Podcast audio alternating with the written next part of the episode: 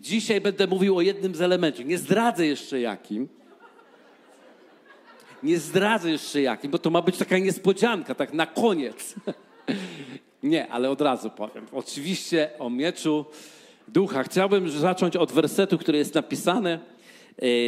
E, Efezjan 6, 6 rozdział, werset 17 mówi: Weźcie też miecz ducha, którym jest Słowo Boże. I to jest ostatni element, o którym będziemy dzisiaj mówić, o którym mówimy, e, o mieczu ducha. Jestem trochę podekscytowany tym, dlatego że miecz ducha, e, właśnie to tak jak w tym zbroi, że tak powiem, rzymskiej, e, oni mieli takie, takie właśnie miecze i to ciekawe, on jest no, może troszkę za krótki, ale generalnie, bo tutaj jest pożyczony od jednego z moich przyjaciół z kościoła, E, generalnie jest to e, miecz, który rzeczywiście nie był za długi.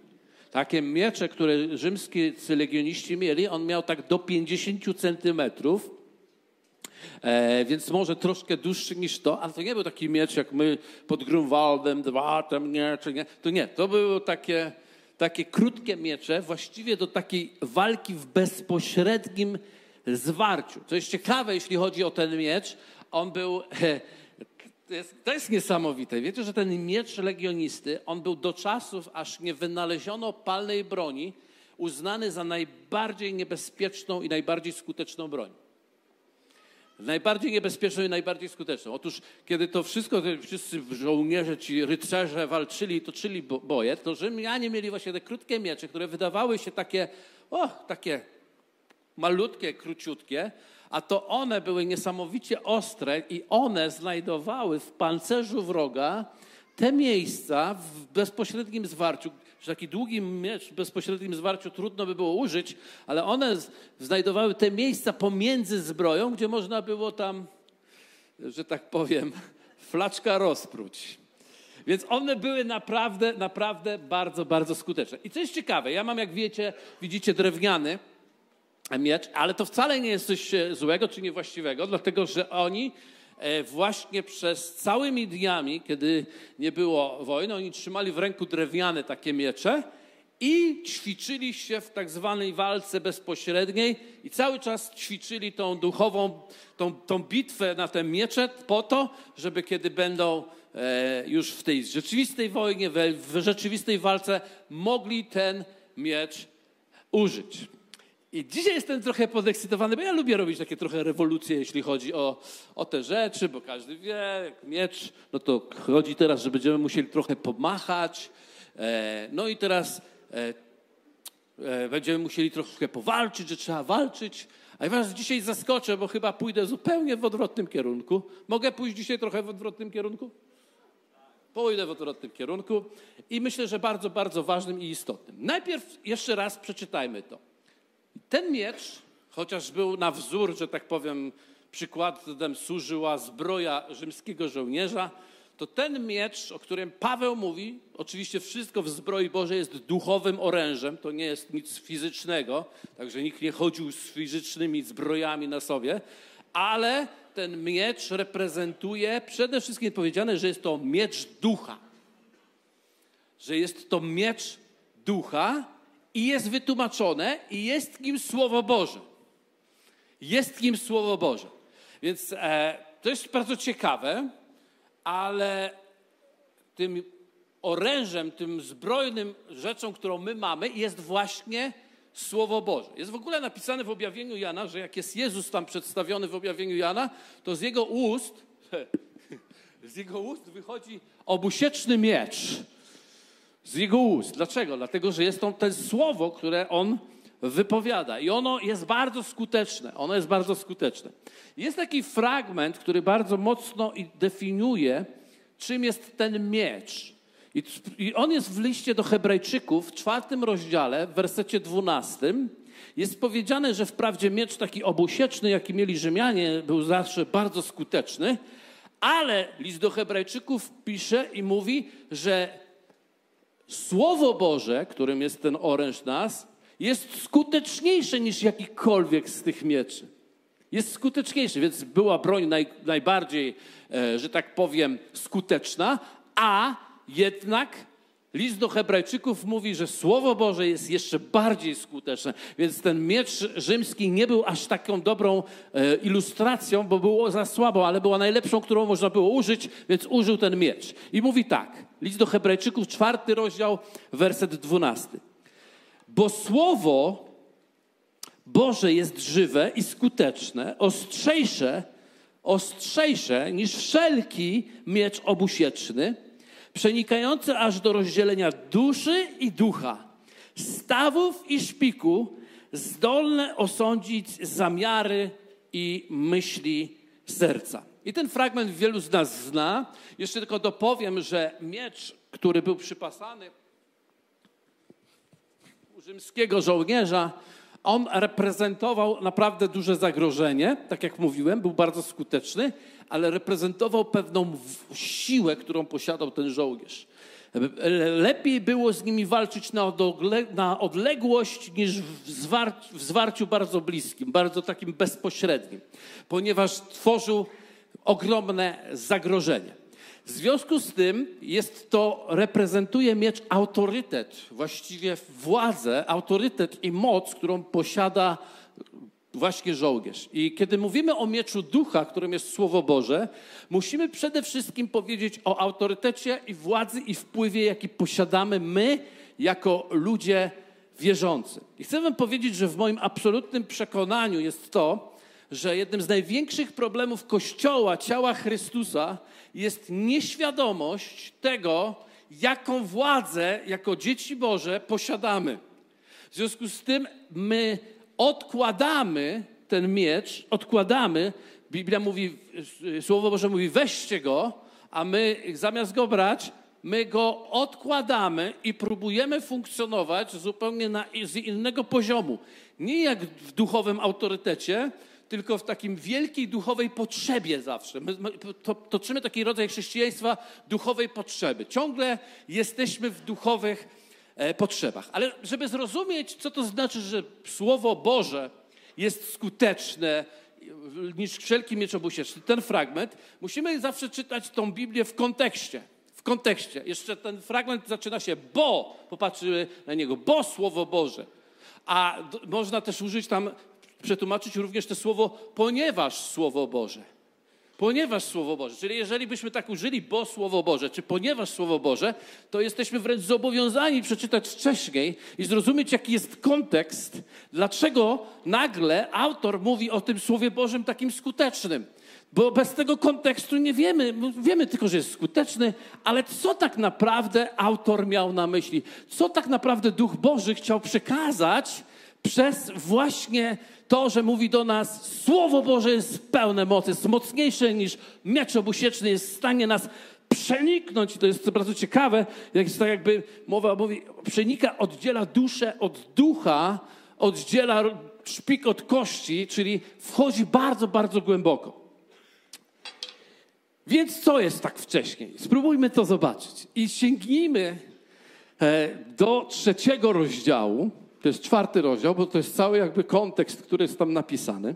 I tam jest historia, którą autor opowiada i mówi o tym, że Bóg któregoś dnia powiedział słowo do ludu wybranego, do Izraela. Odnosi się to do sytuacji, w której Mojżesz wyprowadził lud na pustynię, wyprowadził go z niewoli i prowadził go przez pustynię. Nie wiem, czy pamiętacie, jak kiedyś mówiłem o tym, że pokarm, którym się żywili Izraelici w Egipcie, był nazwany tak zwanym pokarmem niewoli. Cebula, czosnek. Oni tym się karmili, tym żyli. Kiedy wyszli na pustynię, karmili się tak zwanym pokarmem ratunku.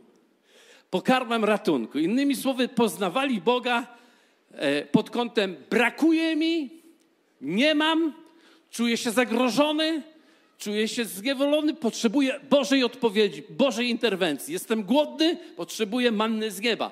Jestem bardzo głodny, potrzebuję przepiórek z nieba. Jestem spragniony, potrzebuję wody ze skały. I ten pokarm towarzyszył cały czas temu ludowi na pustynię, kiedy Duch Boży w postaci właśnie takiej, manifest- takiej e, spektakularnej, ponieważ w supie ognia w nocy i, i w supie obłoku w ciągu e, dnia prowadził ich przez tą pustynię i któregoś dnia, któregoś dnia Duch Święty przez Mojżesza, przez to, że Bóg się objawił właśnie Mojżeszowi, powiedział: Wchodzicie teraz do ziemi obiecanej. Teraz wchodzicie. I to było bardzo szybko po wyjściu z Egiptu. To było jakieś rok, pomiędzy rok a rok, trzy miesiące, więc generalnie ta podróż, jak wiemy o 40 latach chodzenia po pustyni, to właściwie była zaplanowana przez Boga dosyć ekspresowo. Taki był plan Boży. Niemniej jednak oni usłyszeli, co Bóg mówi, ale nie zareagowali na to we właściwy sposób, co Bóg mówi. I dlatego zobaczcie, Hebrajczyków 3:7 do 8 mówi mówi do nas dzisiaj wierzących, wspominając tamtą sytuację, w której Bóg mówił do Izraelitów na pustyni i mówi tak. Dlatego jak mówi Duch Święty, dziś, jeśli głos, głos Jego usłyszycie, nie zatwardzajcie serc waszych jak podczas buntu w dniu kuszenia na pustyni. Nie zatwardzajcie. Innymi słowy, e, ostrzega nas, że Bóg chce nas prowadzić i chce, żebyśmy się poddali temu prowadzeniu. Żebyśmy się poddali temu prowadzeniu. I ci na pustyni właśnie zawiedli, i, i zobaczcie, w trzecim rozdziale 12 do 14 czytamy tak. Bra, baczcie, bracia, żeby nie było czasem w kimś z was złego, niewierzącego serca, które by odpadło od Boga żywego ale napominajcie jedni drugich każdego dnia, dopóki trwa to, co się nazywa dzisiaj, aby nikt z was nie popadł w zatwardziałość przez oszustwo grzechu. Staliśmy się bowiem współuczestnikami Chrystusa, jeśli tylko aż do końca zachowamy niewzruszenie, ufność, jaką mieliśmy od początku. Wiem, że to jest trudno, trochę trudny fragment, ale pozwólcie, że, że, że to wyjaśnię. Autor listu, zanim wejdzie i powie o tym, że Słowo Boże jest w ogóle skuteczne, mówi tak. Słuchajcie, była taka sytuacja, byli ludzie na pustyni, ja ich chciałem prowadzić, chciałem im dać zwycięstwo, chciałem ich wprowadzić w rzeczy, w takie w miejsce, w przestrzeń no, nowego, nowej rzeczywistości. Chciałem im dać ogromne błogosławieństwo, ale oni ciągle się w sobie sprzeciwiali. Oni ciągle mówili nie. Oni ciągle zatwardzali swoje serce na to, co ja robiłem. Więc teraz chcę was E, oszczędz, kochani, że jak ja was dzisiaj prowadzę w Nowym Przymierzu, w tym rzeczywistości duchowej Nowego Przymierza, to proszę cię, nie kłóćcie się ze mną, nie kłóćcie się z Duchem Świętym w sobie. Pozwólcie się prowadzić przez Ducha Świętego. Pozwólcie, żeby On naprawdę zrobił swoją robotę. Nie zatwardzajcie swoich serc i nie odpadajcie od żywego Boga, ponieważ w momencie, w którym przestajemy podążać za, za, Duchem Świętym, może się nazywamy chrześcijanami, może mamy zapisaną fajną datę na lodówce, kiedyśmy się narodzili, może mamy fajną datę drugą, gdzie kiedy żeśmy zostali ochrzczeni Duchem Świętym, ale prawda jest taka, że utraciliśmy to prowadzenie. Utraciliśmy prowadzenie Ducha Świętego, więc bądźcie ostrożni, ponieważ jesteście współuczestnikami Chrystusa. Powiedzmy razem współuczestnikami Chrystusa. Co to znaczy, że jesteś współuczestnikami Chrystusa? To jest, znaczy, że masz ten sam autorytet, ten sam autorytet, który miał Chrystus.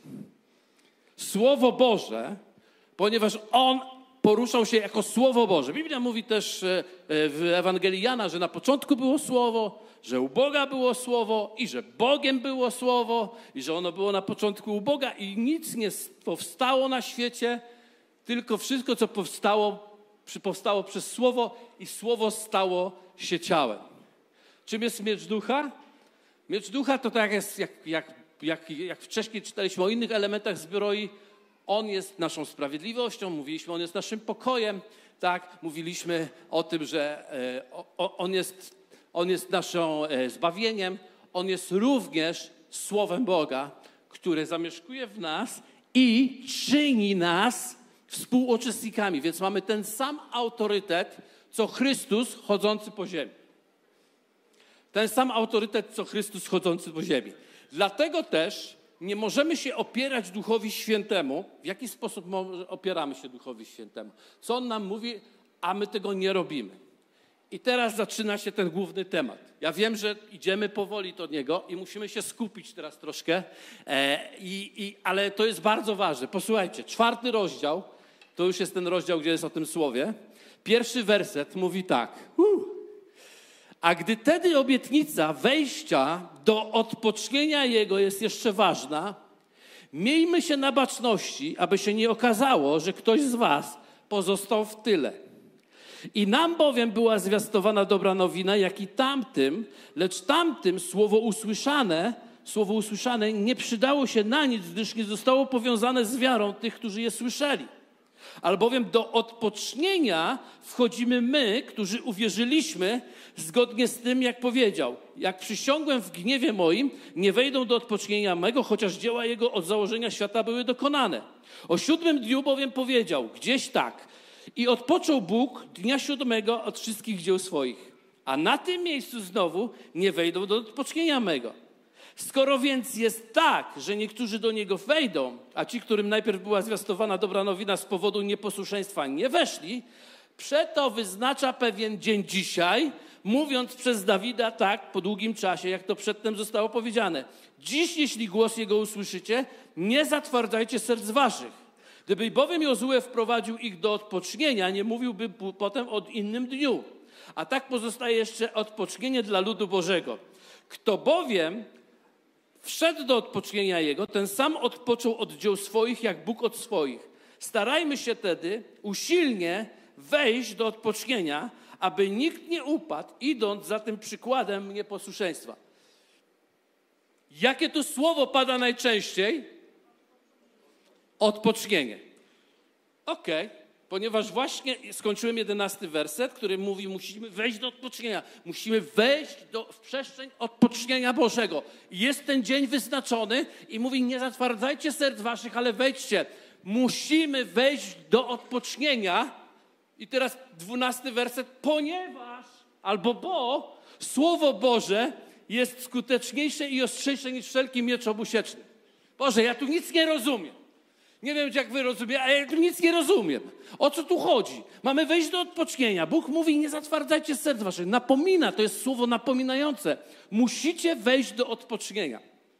Co to jest odpocznienie Boże? No, my wszyscy wiemy, co to jest odpocznienie. Amen? No nie, nie wiemy.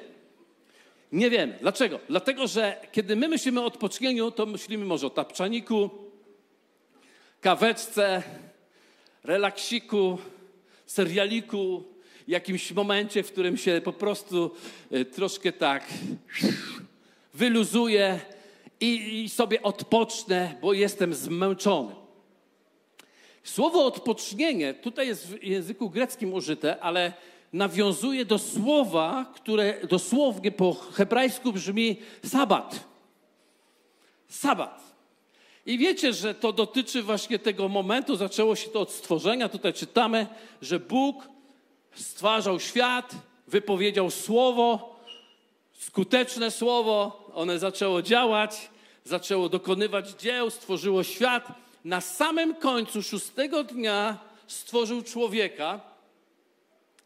I pierwszy dzień człowieka stworzonego przez Boga to jest siódmy dzień Boga którym jest powiedziane i odpoczął Bóg. Więc pierwsza rzecz, którą wprowadził Bóg człowieka od jego stworzenia, to było właśnie odpocznienie. Odpocznienie. I teraz, jakie odpocznienie? Bóg odpoczął. Ilu z Was wie, że nasz Bóg się nie męczy? nasz Bóg się nie męczy. Nasz Bóg jest wszechmocny. Ta, Bóg w ogóle nie potrzebował i nie potrzebuje odpoczywać w naszym zrozumieniu. Och, nacharowałem się, stworzyłem niebo, ziemię, wszystkie te rzeczy i się teraz tak nacharowałem i po prostu jestem teraz tak zmęczony, że teraz muszę w końcu odpocząć. I rozumiemy odpocznienie, do którego Bóg nas zaprasza, jako miejsce, w którym po prostu regenerujemy siły. Z punktu widzenia jednak Bożego, to nie było miejsce regenerowania sił. Z punktu widzenia Bożego, Bóg odpoczął od robienia rzeczy.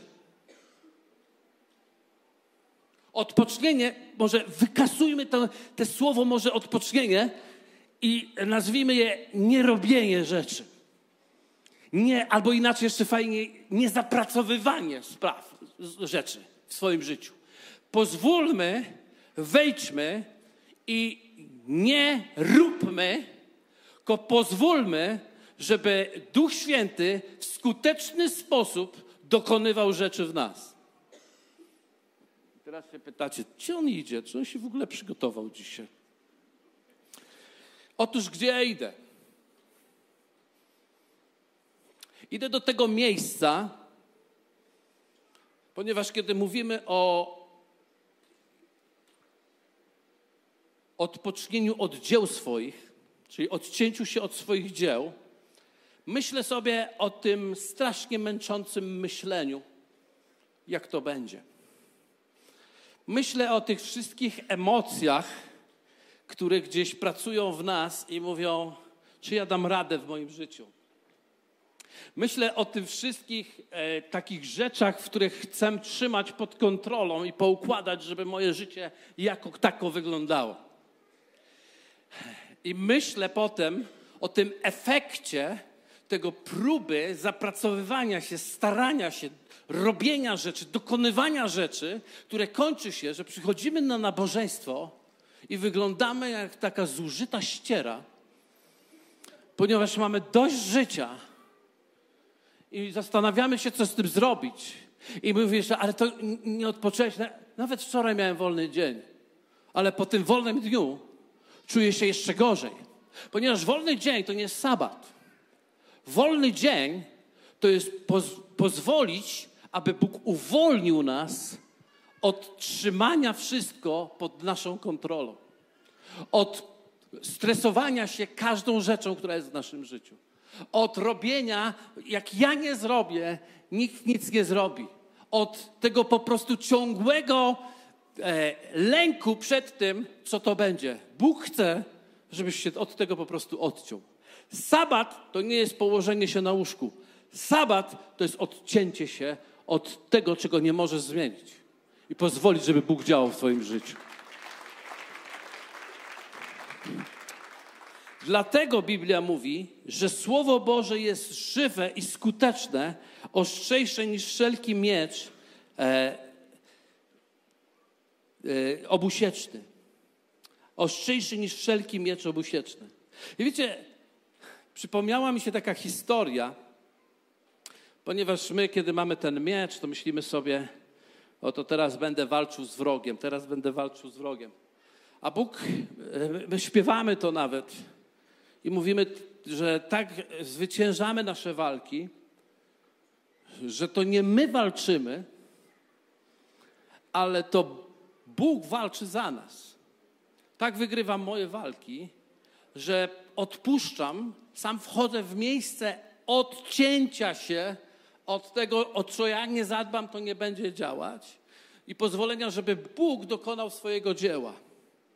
I bardzo mnie dotyka fragment, który do mnie mówi, którego kiedy Maria, akurat święta się zbliżają, kiedy Jezus miał 8 dni, wzięła swojego syna z Józefem, wzięła go do świątyni i tam spotkała namaszczonego Duchem Świętym proroka, ojca takiego narodu, Symeona, który był natchniony Duchem Świętym. Jest powiedziane, że na nim był Duch Święty. Innymi słowy, on miał, posiadał ten miecz ducha, ponieważ on był, kiedy masz, nad tobą jest Duch Święty, masz autorytet nad wszystkim.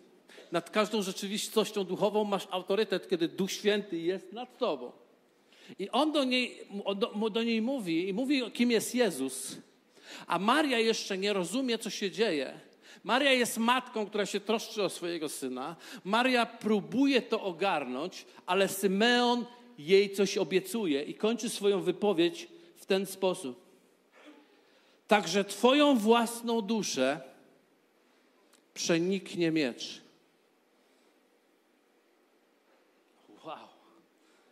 Także Twoją własną duszę przeniknie miecz. Co to oznacza? To oznacza, że oddzieli część duszy, duszewną część Twojego życia od duchowej rzeczy Twojego życia, który wyznaczy pewną pion, duchowy pion w Twoim życiu, który nada Ci władzy, wpływu i autorytetu. Przyjdzie ten moment. Przyjdzie ten moment, że ten miecz przeniknie Ciebie. Więc miecz ducha, który masz, on nie jest tak bardzo do. Tylko on jest po to, żebyś pozwolił, żeby on ciebie przeniknął.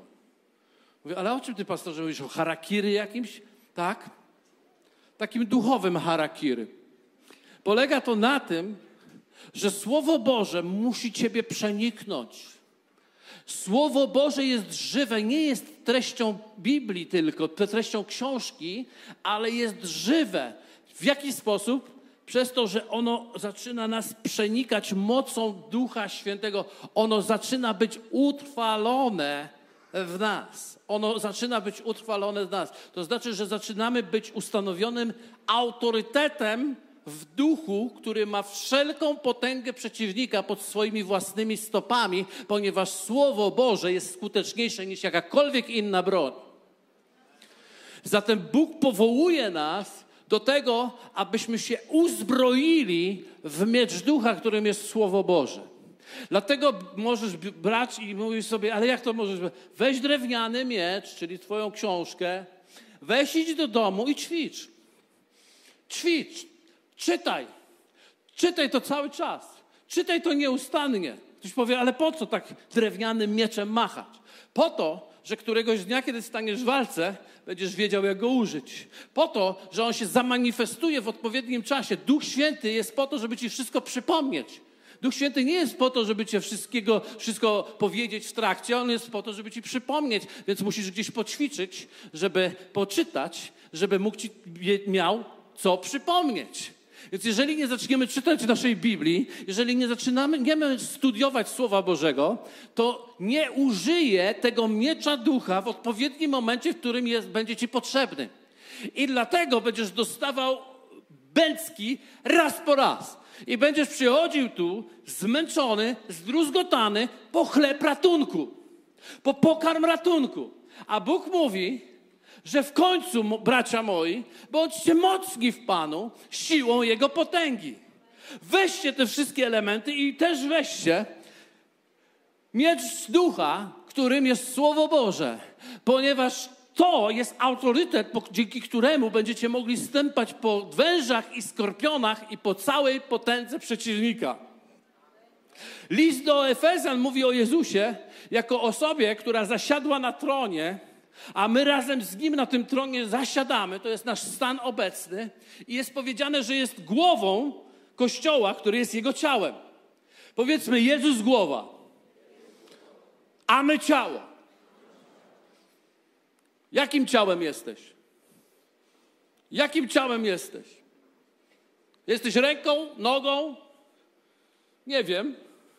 Jesteś jakąś częścią ciała.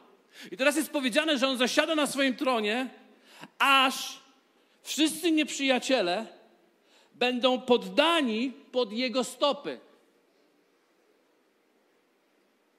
Pod jego stopy. Powiedzmy stopy Jezusa. Jezus w tym ciele jest głową. A ty jesteś jakim częścią ciała? Nawet jeżeli jesteś podeszwą swojej stopy, albo najmniejszym paluszkiem swojej, te, te, tego ciała, albo paznokciem od tego paluszka, to nadal posiadasz pozycję wyżej nad potęgą przeciwnika. Dlatego masz władzę i autorytet. Dlatego Twoje modlitwy będą inaczej obecne, inaczej brzmiały. One nie będą modlitwami ratunku, one będą modlitwami duchowego zwycięstwa, ponieważ Słowo Boże jest skuteczniejsze niż wszelki obosieczny miecz i ma moc burzenia wszelkich warowni, które przychodzą do Twojego życia. Dlatego możesz, kiedy, kiedy, kiedy to wszystko jest ciśnienie, to ty możesz wyjść do odpocznienia Bożego, bo a Boży autorytet jest nad tobą, masz przypasany, masz przy sobie ten Boży autorytet i nic nie może ciebie zmieść z pozycji, jaką masz w Chrystusie. Amen? Dlatego to jest tak bardzo ważne, żebyśmy to zrozumieli, że miecz nie jest po to, żebyś się napocił, miecz jest po to, żebyś odpoczął od swojego życia, od siebie samego i pozwolił robić Bogu rzeczy. Dlatego wtedy możesz się uśmiechnąć, wtedy możesz być dalej wolny, wtedy nie musisz się stresować. Dlaczego? Dlatego, że Bóg, co rozpoczął w tobie, to na pewno dokończy w tobie. A dodatkowo, kiedy ten miecz przeniknie Twoją duszę, ty staniesz się mieczem w Jego ręku, który On użyje dla swojej chwały. Amen? Oddajmy Bogu chwałę, bo On jest godzien wszelkiej chwały. Aleluja. Więc kiedy mamy wziąć miecz ducha, mówimy o odpocznieniu w Bogu, ponieważ On będzie troszczył się o wszystkie rzeczy i o każdą dziedzinę Twojego życia. Dzięki za odsłuchanie podcastu Kościoła Wrocław dla Jezusa. Przesłanie było dobre, prawda? Gwarantujemy, że to nie tylko teoria. Teraz Twój ruch, by zastosować je w swoim życiu. Jeśli chcesz dowiedzieć się o nas więcej, odwiedź stronę wdj.pl. Do usłyszenia!